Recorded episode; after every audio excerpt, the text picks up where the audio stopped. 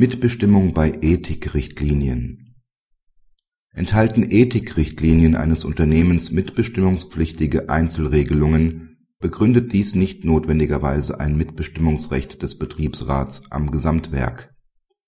Der Arbeitgeber, ein deutsches Tochterunternehmen einer US-Gesellschaft, und der Konzernbetriebsrat streiten über die Mitbestimmungspflicht bei der Einführung von Ethikrichtlinien diese enthalten insbesondere eine an die Arbeitnehmer adressierte Verpflichtung, dem Arbeitgeber Verstöße anderer Arbeitnehmer gegen die Richtlinien zu melden (sogenanntes Whistleblowing).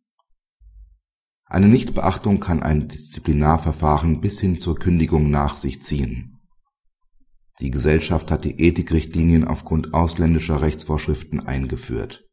Der Konzernbetriebsrat beantragt festzustellen dass die Richtlinien gemäß § 87 Absatz 1 Nr. 1 Betriebsverfassungsgesetz der Mitbestimmung unterliegt, unabhängig davon, ob Einzelregelungen für sich allein mitbestimmungspflichtig sind. Hilfsweise beantragt er die Feststellung, dass Mitbestimmungsrechte hinsichtlich einzelner Regelungen bestehen.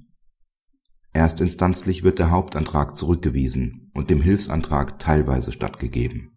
Das LAG gibt dem Hauptantrag statt das BAG stellt zunächst fest, dass die Einführung von Ethikrichtlinien, die das Ordnungsverhalten der Arbeitnehmer betreffen, mitbestimmungspflichtig sind.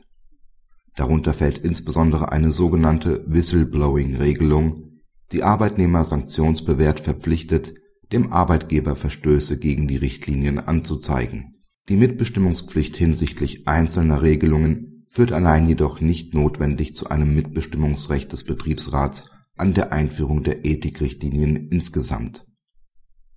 Ein vom Arbeitgeber aufgestellter Verhaltenskodex kann vielmehr mitbestimmungspflichtige und mitbestimmungsfreie Teile enthalten.